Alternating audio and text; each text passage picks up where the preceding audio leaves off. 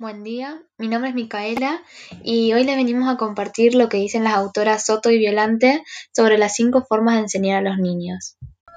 Hola a todos, yo me llamo Melanie. Y bueno, en primer lugar, la enseñanza se da a través de la disponibilidad corporal. Con esto nos referimos a que el docente ponga su propio cuerpo como sostén, como andamiaje, brindándole contención afectiva y estableciendo vínculos de confianza y seguridad con el niño. También otra manera de enseñar es acompañando con la palabra. A través de ellas, el docente interpreta lo que le sucede a los bebés. Participar de expresiones mutuas de afecto es otra manera de enseñar, ya que abren puertas al aprendizaje. Las docentes saben mirar, escuchar y dar respuestas a los gestos mínimos que expresan los bebés. Entonces podemos decir que el vínculo afectivo de las docentes hacia los niños le genera confianza y tranquilidad. Exactamente. La construcción de escenarios también cuenta como forma de enseñanza, ya que es un ambiente enriquecedor que le ofrece a los niños para explorar objetos, para jugar, para desarrollar posibilidades o para conectarse con el mundo de diferentes culturas. Y la última forma de enseñanza es realizando acciones en conjunto con los niños, en donde los docentes, junto con ellos, arman secuencias de acciones en el que todos participan. Entonces la crianza en el jardín maternal es enseñar. Englobando todo lo que nos dijeron, podemos decir que enseñar supone un adulto que ofrezca su cuerpo, su palabra, su afecto, y que arme escenarios sugerentes y desafiantes, realizando acciones conjuntas con los niños. Y bueno, en cuanto a las actividades y situaciones de aprendizaje en la infancia, ¿qué nos pueden comentar?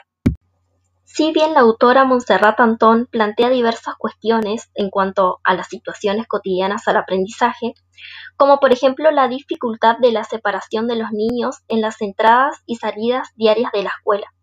Los pequeños podrán superar la dificultad de la separación en la medida en que la vivan como tal, y no con la desaparición de la madre o del padre.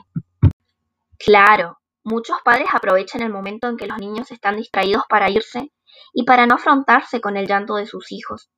Eso los niños lo sienten como un abandono y se corre el riesgo que se sientan inseguros y con desconfianza. Y bueno, lo mejor sería que la escuela comparta con los padres la planificación de estos momentos. Sí, eso sería lo ideal.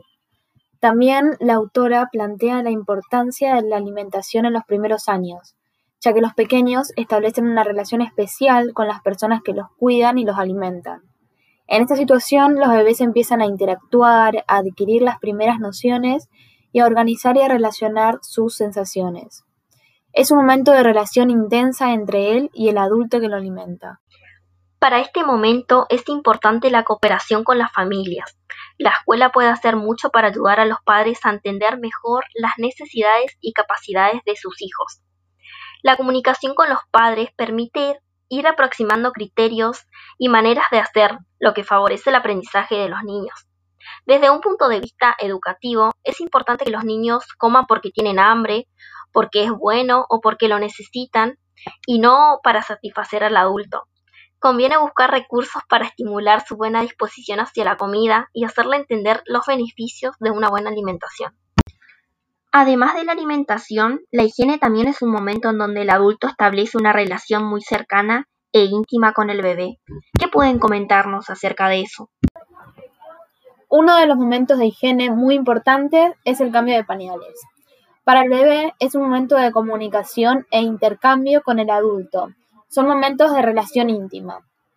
Cuando el cambio de pañales se entiende como una actividad de comunicación con el bebé, deja de ser una actividad rutinaria y se convierte en una situación de intercambio con el pequeño. ¿Qué pasa con el resto del grupo mientras la educadora está con uno de ellos realizando el cambio de pañales? En este caso la situación va a variar según los grupos y la ubicación del cambiador. Lo ideal sería que todo el grupo se traslade con la docente y que ésta les organice alguna actividad cerca mientras cambia alguno de ellos.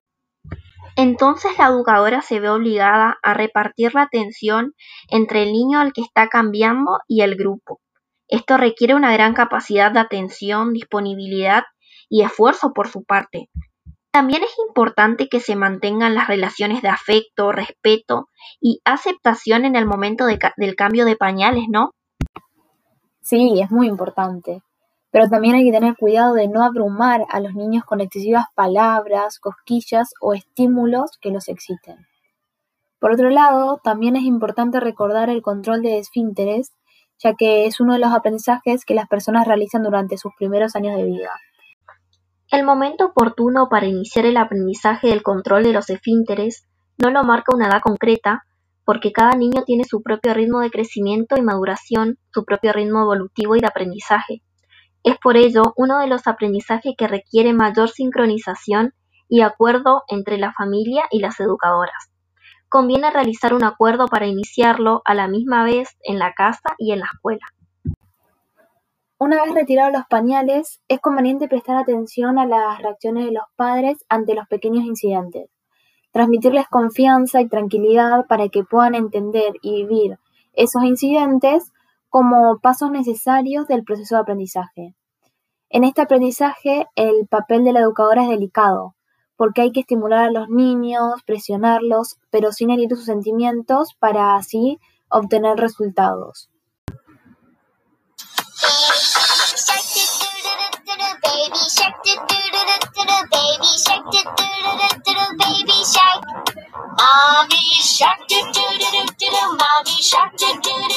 mommy shark, do do do do do do, mommy shark.